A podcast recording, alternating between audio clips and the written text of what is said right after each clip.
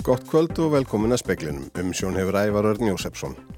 Umbóðsmaður skuldara segir ennbætti búa sig undir að fleiri leiti liðsinnis þegar nýjustu vakstahækkanir Sælabankars fara að býta.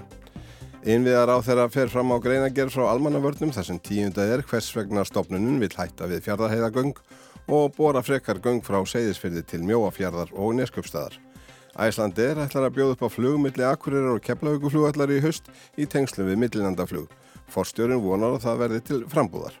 Hérastómur Reykjanes síknaði dag Íslandsbanka af 6 miljónar kröfumanns sem taldi bankan hafa brotið á sér með ofrukkun vaksta. Framleiðsla á skóarplöntum er að hefjast á hér eða á ný eftir 5 ára hlýja í gróðurhúsi sem áður tilherði gróðurastöð barra og við minnumst söngkonunar Tínu Törner sem lést í gær 83 ára að aldrei. Umbóðsmaður skuldara segir ennbættið búa sig undir að fleiri leiti liðsinni stofnunarinnar þegar vaksta hækkanir farið að býta. Nú þegar húsnæðiskostnaður hefur vaksið mikið leiti margir í dýr og óhagstað yfirdráttalán og smálán til að ná endum saman. Já því mér þá eru blikur á lofti og þá má ekki gleyma því að þetta býtur á svona ólíka hópa. Við erum að tala um látækju fólk, við erum að tala um fyrstukaupendur, öryrkja sem er mjög stór hópur í okkur. Þannig það er mjög brínt að horfa á þessa hópa sem eru hvað viðkvamastir og þá beina þessu líka til stjórnvalda. Hvað er hægt að gera til að koma þeim í gegnum þennan skapl? Nánar verður rætt við ástu Sigrun og Helga Dóttur um bósmannskuldara í fréttum sjónvars klukkan 7. Sigurður Ingi Jóhansson innviðar á þeirra hefur farið fram á greinargerð og álit frá almannavörnum þar sem útskýrt er hvers vegna þær leggjast gegn núverandi forgangsröðun jarðgangagerðar í samgöngu áallun. Sankvæmt henni eru fjardaheiðagöng milli eigilstaða og segðisfjardar næsta á dagskrá. Í minnisbladi almannavarna sem dómsmólar á þeirra kynnti fyrir ríkistjórn í kjölfar flóða fyrir austan er hins vegar lagt til að fyrst verði grafið á milli segðisfjardar, mjóafjardar og neskjöpstaðar en fjardarheiðagöng verði ekki grafin, heldur frekar göng frá mjóafyrði og upp í hérað. Sigurður Ingi segist ekki hafa síður rauk almannavarna fyrir því að þessi leið verði farin. Mér fannst svona kannski vanta aðeins meira kjött þar á beinið og óskaði eftir að fá slíka álitskerð sem myndi þá fara bara inn í þingið. Ég stefna á að leggja fram samgöngu á allir núna í vor þó ég búist ekki um verði hérna fáið fullnaðar afgræslu á þinginu kannski fyrir í haust en ég held að það sé mikilvægt að ef almannavarnir hafi skoðunar á þessu að, að þeir leggji þá fram sína greinagerð, álitskerð um af hverju þið telja einhverja aðra leið betri. En þú heldur ennþá við það að fjardarhega Já, það er samþygt samgöngu áallun og sem ráður að samgöngumála get ég nú kannski ekki lagt fram aðra tillögu nema að hafa til þess mjög sterk rauk sem ég hef ekki. Sæði Sigurður Ingi Jóhansson, Jóhanna Vigdís Hjaltadóttir talaði við hann. Æslandi er að bjóða upp á flugumilli Akureyrar og Keflaugurflugallar í haust í tengslu við millinandaflug félagsins. Forstjórin vonar að þessi valkostur sé komin til að vera. Frá og með 15. oktober verður flóið frá Akureyri á mánudum, fymtudum og lögadum og frá Keflavík á miðvíkudum, förstudum og sunnudum. Erfilega hefur gengið að koma á flugi millir Akureyrar og Keflavíkur en Bói Nils Bóasson, fórstjóri Æslandir, segir rekstur fyrirtækisins hafa breyst mikið eftir saminningu Æslandir og er Æsland Connect. Við ætluðum að gera þetta síðast á vor, ákveðum svo að fresta því vegna þess að það var bara svo margt í gangi hjá okkur og, og, og þess og þar en við erum að hafa og sögðum þá að þetta væri frestur en ekki að við myndum taka þetta upp aftur og erum þá að prófa eða erum að þá að setja þetta í gang núna og vonandi verða uh, viðtökunum það góðar og þetta er eitthvað sem er komið til að vera. Bói segir þessa nýju flugleið henda fólki vel sem býr á landsbyðinni. Þetta stöðli einni að því að ferðamenn dreifist betur um landi sem sé nöðsilegt svo ferðarþjónustan vaksi. Við teljum það bara nöðsilegt líka fyrir íslenska ferðarþjónustu að þessi þróun eigi sér stað að ferðamenn fari meira út á land. Ferðarþjónustan vill og þarf að vaksa á dafna og hún gerir það ekki nema, hérna, nema við sjöum öll að vinna þessari stefnu að, að farþegar fari líka út á land og, og með flugi. Sæði bói Nils Bóasson. Ingi Burg Sara Guðmundsdóttir tók saman. Hérastómur Reykjanes síknaði Íslandsbanka í dag af 6 miljónar kröfu manns sem taldi bankan hafa brotið á sér. Madurinn tók lán með breytilegum vöxtum og taldi bankan hafa ofrukkað vextina á láninu. Karlmaður sem tók húsnæðislán hjá Glitni forvera Íslandsbanka árið 2007 fór í mál við bankan og krafðist endurgreðslu þess sem hann taldi vera ofrökkaða vexti. Málið háði hann með aðkomu neytendasamtakana. Lánið var með breytilum vöxtum sem átti í fyrsta lægi breyta fimm árum eftir lántöku samkvæmt skuldabrefi. Sambærilegt ákveð á öðru láni var dæmt ólögmætt fyrir sex árum. Maðurinn og bankin voru sammálum að sá dómur ætti við lán hans en greindi á um afleðingarnar. Bankin sagði að þar sem hveði væri á um 5% vexti í skuldabrefinu mætti innheimta þá vexti. Þessu andmælti maðurinn og sagði 5% aðeins eiga við um fyrstu 5 árin. Eftir það ætti að miða við lagstu viðegandi vexti Sæðlabankans þar sem bankin mætti ekki breyta vöxtunum. Þessum rökum mannsins hafnaði dómari við hérastómi Reykjanes. Dómarin sagði að heið ólöglega vakstabreiting ákvæða samningsins hefði aðeins hveði á um heimil til að breyta vöxtum, ekki skildu til þess. Að auki væri ekkert ákvæða að finna í samningnum sem stitti málflutning lántakandans. Breiki Karlsson, formað neytendasamtakana, segir að niðurstaða dómsins sé gífurleg vonbreyði. Hann segir engan vafa leika á að dóminum verði áfriða til landseréttar. Brynjólfur Þór Guðmundsson sagði frá. Skóarplöntu framleðslega er að hefjast á héræði á ný eftir fimm ára hlið. Stórt og fullkomi gróðurhús sem áður tilheyrði gróðrastöðinni barra fyllist brátt af aspargrælingum sem ætlaði að binda kólefni. Gróðrastöðin barri var svo fullkomnast á landinu en ný skórækt dróst saman eftir hrunn og starfsemi barra lagðist af. Nú hefur gróðursetning hins vegar aukist á ný, margir vilja rækta skó til að binda kólefni og eftirspurn eftir skóarplöntum vex hratt. Tvö stór gróðurhús barra á valgerðarstöðum í fellum voru seld. Fyrirtækið Jört hefur ræktað wasabi-plöntur í öðru húsinu og er nú að hefja skóarplöntuframleiðslu í hinnu. Ragnar Alli Tómasson er framkvæmdastjóri Jörtar. Sumar eru að framleiða ösp og þetta eru nokkur hundru þúsund plöntur sem erum að byrja á. Það er verða notar uh, hjá skórækt ríkisins og síðan eru við að skoða líka möguleika á að selja eitthvað til fyrirtækja í framhaldinu. Græðlingar fara í mold á næstu dögum og verða fyrstu plönturnar afhendar í haust. Mörgum þótti missir af skóarplöntu framleiðslu á héræði sem er mikið skóræktar svæði og þeir sem rækta skó á Östurlandi þurftu eftir lokun barra að borga flutning á plöntum úr öðrum landslutum. Ragnar gerir ráð fyrir að plöntu framleiðsla jurtar sé komin til að vera samhliða vasabiræktun og að fleiri tegundir en ösp verði á boðstólum. Já, okkur finnst það bara mjög spennandi markaður, sérstaklega hvað þetta er breytt anslag og fyrirtæki er að hóða meira til þess að fara í skóra til kolumisveitunar, þannig að við bara erum mjög spennt fyrir því að fylgja því eftir. Sæði Ragnar Alli Tómásson og Rúnar Snær Reynisson tók saman. Söðarkróksbakari hefur verið opnað aftur en þar urðu mikla skemmtir þegar bíl var ekkið inn í það fyrir tíu dögum.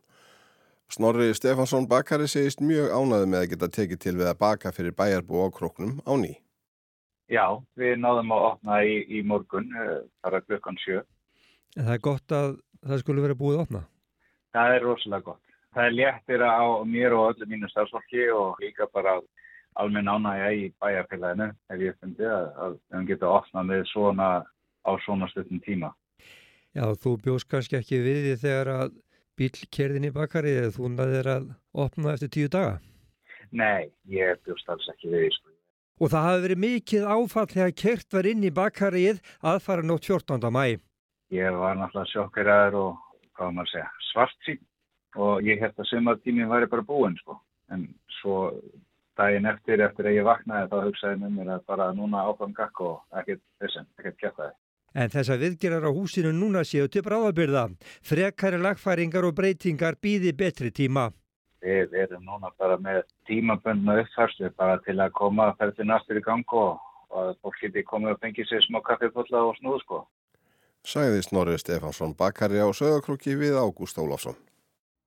Í dag var kynnt aðgerða áallin stjórnvalda um þjónustu við eldra fólk næstu fimm árin eða frá þessu ári til ársloka 2027. Sú áallun hefur yfirskriftina gott að eldast og er unnin að verkefnastjórnum heldar endurskoðun á þjónustu við eldra fólk. Félags- og vinnumarkasraðunetið og helbreyðisraðunetið eru helstu bakkjarla þessa verkefnis en í verkefnastjórninni sitja líka fulltrúar fjármálaráðunetis, sambands íslenskara sveitarfélaga og landsambands eldriborgara. Í kynningu á aðgerðar áalluninni segir að henni sé ætlað að vera leiðarvísir fyrir stjórnvöld til að finna og feta réttar leiðir til þess að bæta þjónustu við eldra fólk og vinna heildarstefnu þar að lútandi. Mikil áherslega lögð á að gera skuli fólki kleift að búa sem lengst í heimahúsum og óhætt að segja að það sé leiðarstef áallunarinnar sem skiptist í fimm þætti. Sá fyrsti og kannski sá mikilvægasti lítur að samþættingu hinnar margvísluðu þjónustu sem þessi hópur þarf og á að fá og ríki og sveitarfjölug bera ábyrð á. Tryggja skalað eitt þjónustustig taki við af öðru, nökra löst og að ábyrð á þjónustu þáttum ólíkra aðila verði skýr, segir í engangi áallunarinnar en talsveit hefur vantað upp á þetta til þessa. Berglind Magnúsdóttir er formaður verkefnistjórnar. Jú, það er rétt. Eh, sko, með samþættingu þá er að rauninni vera að, vitna til þessa að eh, heilbríðstjónusta og félagsstjónusta sem hér á landi er á ábyrð tveggja aðila, ríki og sveitafélaga, að hún sé í rauninni veitt af einum og sama aðila.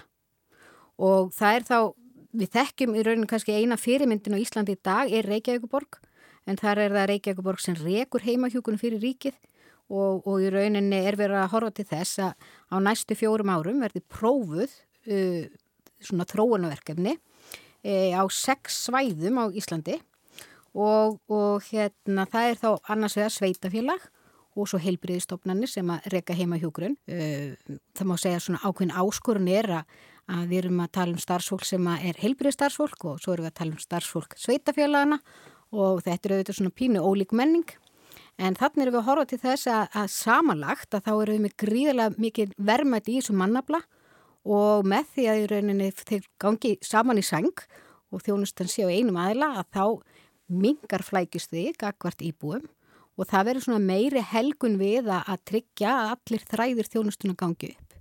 Þannig að það er svona megin markmið með samþættingunni. Og það má segja við erum svo, svo sannlega ekkert að finna pjóli hér á landi, þetta er áskorunum allan heim. Þannig að þetta er í rauninni svona áskorun sem við þurfum að taka þátt í að vinna vinna hérna með því að fara bara betur með mannaplan okkar og um leið að tryggja miklu örygari þjónustu keðju fyrir eldra fólk. Og einfaldari og þægilegri. Einfaldari og þægilegri og í rauninni kannski með á svona grunnhugsunin er þessi að íbúin og aldrei að þurfu ekkert minna að vita hvaðan þjónustan kemur. Hann er bara að fá þjónustu að réttum aðila, á réttum tíma og, og þannig einhvern veginn að vera örygurinn það að jafnvel þó það komi upp frekar er hilsubrestur eða, eða hérna, þörf fyrir meiri aðstóð að þá muni hún koma og við erum í rauninu kannski líka svona fyrir aðstendendur og aðra að byggja upp öryggistilfinningu fyrir því að, að það er hægt að veita fólki meiri þjónustu heima heldur en við höfum gert hinga til. Öll þessi aðgerðavatn að virðist vera sem megin hugsunum meðinni og helsta markmiði sé að lengja þann tíma sem fólk getur búið heima á sér. Já, það er alveg rétt. Það gengur út á það svolítið að draga úr þörf e, hjúgruna rýmis eða að þú þurfa að fara inn á hjúgruna heimilu. E, hver einasti mánuður skiptir þar máli að geta búið lengur heima hjá sér. Og það er ekki, hérna, það má segja að það er miklu meiri lífskeiði að búa heima hjá sér en að því gefnu að það sé að þetta tryggja þér góða þjónustu. Og, og það er í rauninni það sem við verðum eitthvað meina að að horfa til að þetta gengur ekki bara út á það að fólk sé heima, heldur að það sé heima með þá þjónustu sem það hefur þörf fyrir. Það eru leki og reynslu sögurnar frá fólki sem hefur þurft að nýta sér þjónustu hinn að ólíku stopnana í heilbriðis, félagsþjónustu og almannatryggingakerfinu og lendi því að þar hefur allt rekist hvað á annars hort og hver vísað á annan þegar leitaður eftir upplýsingum um réttindi, stóðtæki eða aðstóða einhverju tægi. Þetta er það sem við höfum hyrt, þetta er það sem við vitum og þetta er það sem við þurfum að leysa núna. Og það er í rauninni uh, aftur, það er aðgerðina svolítið gang út af það að einfalda kerfið og fyrst og fremst aðgengi fólks að kerfinu. Og það þurfi ekki að fara á marga staðursækjum þjónustu, heldur það getið farið gegnum eina gátt. Og þar í rauninni sem gerð þessi þarfagreining hvað þartu. Er það hjálpatæki, er það aðstof við, við, hérna, við livjendtöku, bara hverjur eru þarfinar. Þannig að fólk þurfu ekki að vera halgeri snillingar í kerfinu, heldur að það er kerfi sem er munið rauninni aðlega sig að íbúinu. Og að kerfi verið fyrir fólk en ekki fólk. Kerfi verið verið fyrir fólk. Og það má alveg segja að það eru mjög margi sem koma þjónustu veldra fólk og, og, hérna, og það er líka þörf á því að einfalda kerfi fyrir þetta starfsfólk. Þannig að, að, hérna, að það sé rauninni greiðari aðgangur bara þeirra sem er á þjónustöf til dæmis, aldrei en einstaklingi heimahúsi, að hann viti nákvæmlega hvað allir hinn eru að gera og þannig að þjætta umgjörðina og, og, og í rauninni vera hans á undan að hérna, bjóða til dæmis dagdvöl eða bjóða hjálpatæki en ekki alltaf að þessi einstaklingurinn eða aðstandendur sem þurfu ekkert meina að fara í þessa vegferð. Nú er þetta mjög stór hópur og fer stekkandi, það er núna um 46-7 þúsund mann sem að uh, teljast til eldri borgara, 67 ára og eldri. Mm -hmm. þeim mun fjölga hratt á næstu árum. En þetta er ekki bara stór hópur, þetta er líka mjög fjölbreyttur hópur og býrum mjög ólíkar aðstæður og ekki bara uh, fjárhagslega og félagslega heldur líka landfræðilega. Við erum lítil þjóð, það eitt að vera til dæla lítið mála að græja eitt sístem fyrir alla en það er talsið mikil munur á já, sveitarfjölum hér á höfuborgarsæðinu og svo hinnum dreifðari byggðum, litlu sveitarfjölum út á landi. Hvernig er hægt að samþetta þetta? Þetta er sko, þetta er hárið þér og, og, og í dag eru, já eins og segi 46.000 mann sem eru 67 ára eldri. Eh, við erum svolítið að leika okkur við 2050 og þá er þetta 90.000 manns. Og þegar við horfum síðan á hérna, að svæðin er mjög ólík, eða landið er ólíkt, en það má segja í rauninni að, að hérna, stórsvæði hafa ákveðin tækifæri og lítilsvæði hafa önnur tækifæri og þannig er það að það var þessi samþæktingarverkefni sem við erum að fara í að það var hort til þess að það væri ekki endilega svona ein leið sem að hendi hverjum og einum landsluta. Þannig að það er verið að horfa á kannski svona að, að þau sé að prófa ólíkar leiðir. Einhverjum stöðum munu kannski hjúgrunaheimilinn taka að sér að sinna allri þjónustu við eldra fólk sem býr heima Eh, og einhverjum stöðum getur það verið heilsugjæslinn og einhverjum stöðum sveitafjöla. Þannig að við erum í raunin líkum leið og við förum í þessi þróunaverkefni. Líka svolítið að kalla eftir nýsköpun að fólk í heimabigð á stöðunum að það líka kannski þrói nýjar tegundur af þjónustu, ný úrraði. Eh, við munum sem, sem verkefni þá munum það leggja fram í rauninni velfærateknina Það er að tala um svona fjárheilbyrjastjónust og ímyndslegt sem að hjálpa okkur þar en við vitum að það, það, er, það eru ímsa lausnir þarna úti sem við þurfum einhvern veginn að virka hjá þeim sem að best þekka til. Sæði Berglind Magnúsdóttir.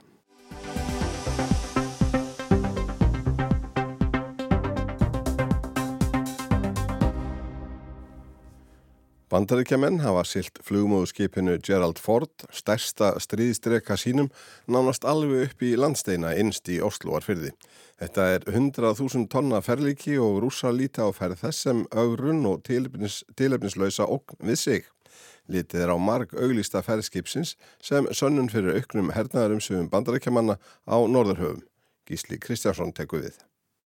Fólk spyr sig eðlilega tilganginum með því að fleita stærsta stríðskipi heims allarleið inn í fjardarbott hér fram að við Óslo höfuborg Noregs. Fjörðurinn er svo þröngur á köplum og grunnur að nánast þar skóhorn til að koma þessu ferlíki allarleið og áfanga stað. Og þegar djúbristan er umir 12 metrar fylgir því mikil áhætta að komast allarleið að bryggjum. Hamborgara kaupmenn og ölsalar borgarinnar kætast því nær 5.000 amerískir sjóliðar er um borð ef öll fylgiskip eru talin með. Og þessir dátar fá að fara í land svo það verður ástand í borginni. En þetta er ekki bara skemmti og útsýnisferð á um 100.000 tonna vývél sem knúin er kjarnorku í þokkabót. Sama hvaða sérfræðingur er spörður, svarið er alltaf hitt sama, bandareikjamenn eru nikla vöðvana sína að máttur þeirra á hafinu er mikill og að NATO-ríkin standa saman. Engin þarf að efast um það. Sendiherrar Úslands í Nóri er á sama máli. Þetta er óþörf og tilefnislaus augurun að matir rúsa. Rússar ógna ekki þjóðum við Norðurhöf, um það má deila. En rússar taka ferð bandaríska flugmóðuskipsins til sín og telja sér ógnað ef bandaríkjaman senda stærsta stríðskip sitt inn á norskan fjörð. Noregur á landamæri að Rúsland í norðri og sem eitt af stopnríkjum NATO hafði Noregur Sovjetríkin að næsta nágrana frá upphafi kaldastriðsins. Auglóst er að einrós rúsa í Úkrænu er baksvið þess að bandaríkjaman auka nærveru sína í norðri. Stríðið þar hefur breytt öllum við horfum til öryggismála. Engin bein ógn stafar af rúsum í okkar heimsluta nú um stundir en engin veit hvað getur gerst ef stríðið dregst á langin eða færist til nýra landa. Norðurfloti rúsa hefur haldið kyrru fyrir á kólaskaga síðustu ár. Engin veit hvort á því verður breyting en vitað er að norski flotin er allt og fáskipaður til að mæta hugsanlegri framrás rúsa í norðri og út á Allandshafið. Þess vegna sína bandarækjumenn úr stærsta skip sitt með pomp og prakt. Engu hefur verið til sparað að kynna ferðalag skipsins, hvar það er á hverjum tíma og hvert för þessi heitið. Þetta er fjölmiðlaferð. Flugmóðuskipi Gerald Ford er nýtt og betur búið en nokkuð annað flugmóðuskip í heiminum. Það er heitið eftir fyrrum fórsetta bandarækjana sem sjálfur var í eldlínunni í stríðun á Kirrahafi í síðari heimstyrjöld. Þetta er stolt bandaríska flotans. Pláss er um borð fyrir ekki minn en 75 orustu þóttur. Skipið er hærra í sjó en ráðhúsið í Óslo, kostar eins og tveggja ára hernaðar útgjöld norðmanna og annað er eftir þessu. Rússar eiga ekkert til að mæta slíku bákni. Admiral Kuznetsov er þeirra eina skip af þessari gerð en það skemmtist illa í eldi í Múrmansk fyrir jólinn í fyrra og hefur raunar aldrei virkað eins og vonir hafa staðið til. Af ísu er á það bent að mikil áhætta fylgir því að veðja svo miklu fjö og svo miklum búnaði á eitt skip. Öll skip geta sokkið og varnirnar er ekki takmarkalösar. Norska blaði Aftenposten hefur heimildi fyrir því að kínverjar hafi æft árásir á flugmóðuskipið Gerald Ford í tölvu. Niðurstaðan var að hægt er að sökva skipinu með nokkrum hljóðfrágum árásaraldflögum. Um leið verður fólki ljóst að stríðið færi snær. Gamlan hroll úr kaldastriðinu setur á landsmönnum. Bretar síndu sitt stærsta skip í vetur. Víglínan er dregin að nýju í norðurhöfum og NATO ætla sér að stjórna þessu hafsvæði.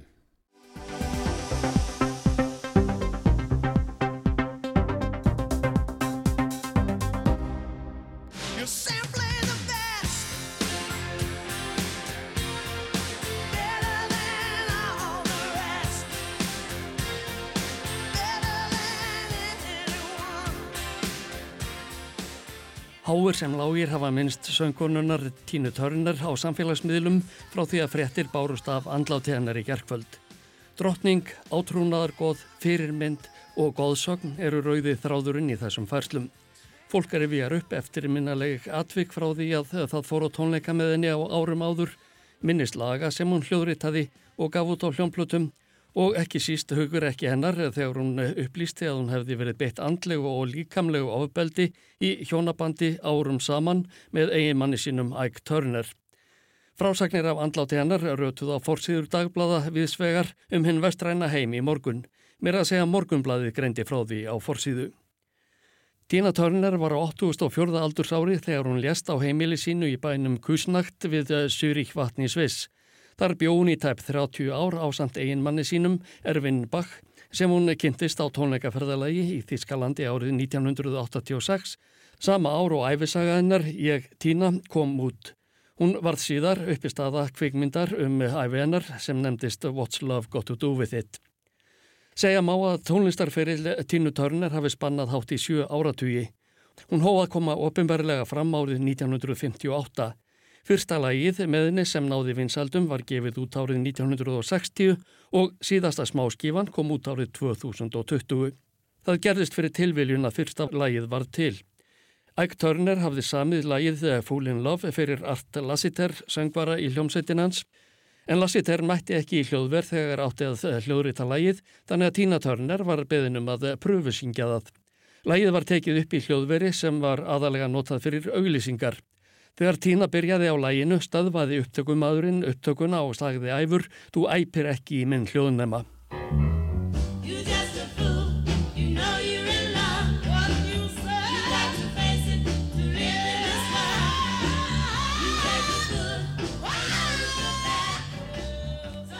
Eftir að Fúlin Love kom út fóru hjólinn að snúast hjá Eiko Tínu Törner.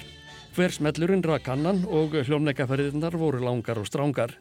Þau komu yðurlega fram í sjómarpi og jafnvel einni í kvikmyndum, þar á meðal í tónlistarmyndinni The Big T&T Show. Upptökustjórin Phil Spector vann við hana og hrefst svo mjög af eh, söng Tínu Törnar að hann óskaði eftir því að fá að hljóðrita lag með henni. Lægið var River Deep Mountain High sem Spector samdi með hjónunum Ellie Greenitz og Jeff Barry.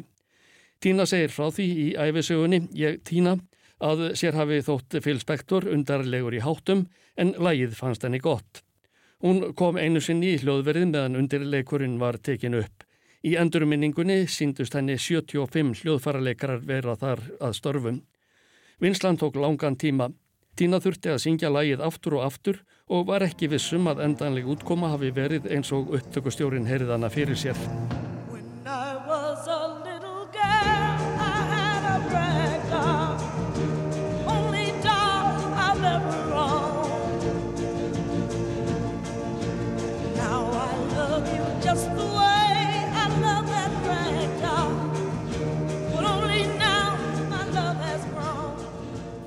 Í bókinni Ég týna eða Ég týna eins og íslenskur útgefandi bókarinn er kallaðið hana er haft eftir Bob Krasnow, stopnanda hljómplutu útgáfanar Blue Thumb Records sem síðar varð Elektra að hann hafi aldrei vita til þess að nokkur dægurlag hafi kostað jafn mikið í framleiðslu og River Deep Mountain High.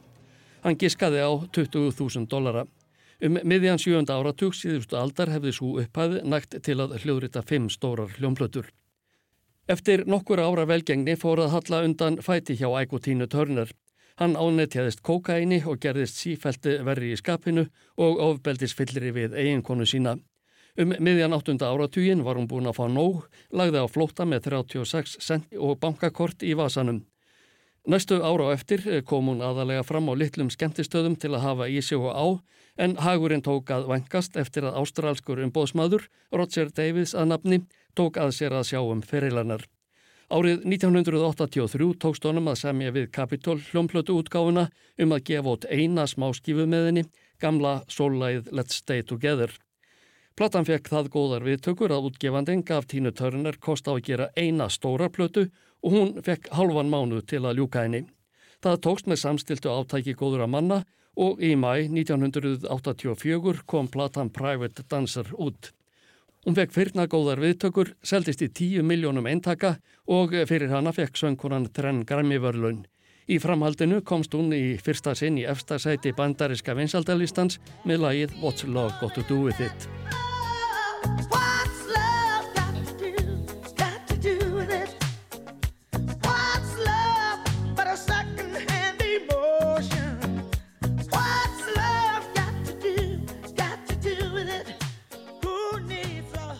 Eftir að hljómplatan Private Dancer kom út, held eh, fræðarsól Tínu Törner eftir að rýsa herra og herra. Fjórar stórar plötur komu út til næstu árin og hljómleikaferðirnar um heiminn urðu átta. Hún kom fram í kvikmyndum og var fasta gestur í spjallþáttum í sjónvarpi. Síðustu hljómleikarnir voru í Sheffield á Englandi 5. mæ 2009.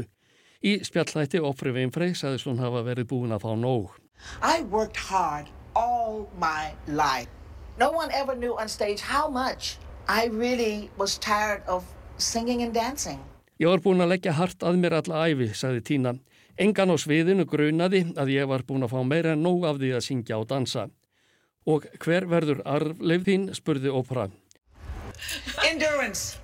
I endured hardship all the way. If we stay on course, we stay focused, never smoking, never drinking, never doing drugs. Þraut segja, svaraði söngkonan. Ég fekk allan pakkan af harðuræði en hjælt minni stefnu, rekti kvorkin ég drakk og hjælt mig frá fiknefnum. Það var Áskir Tómásson sem tók þennan pistil saman. Og þá að veðrinu veður horfur á landinu næsta sólarhingin. Það er útlettir í vestan og suðvestan nátt í kvöld 8 til 15 metra á sekundu. Fram eftir nóttu jafnvel með stöku skúrum eða slittu jæljum. All viða skúrir á morgun en dregur úr vindi og úrkomu síðdeis. Hiti verður 6 til 14 stíg og það verður mildast söðaustan til á landinu. Fleira er ekki í speklinum. Tæknimaður var Magnús Þorstein Magnússon. Fretta útsendingu stjórnaði Margret Júlia Ingimarsdóttir. Frettir veðan að staðir í sjónvarpi og ára á stöð klukkan 7. Verðið sæl.